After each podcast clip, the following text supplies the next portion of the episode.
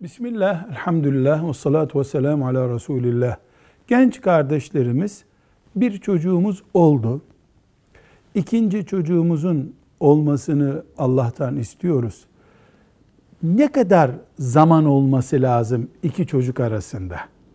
Mesela birinci çocuğumuz şu yaşa gelsin de ikinci çocuğumuzun o, o yaşta olmasını isteyelim diyeceğimiz dini bir kural var mıdır diye sormuş.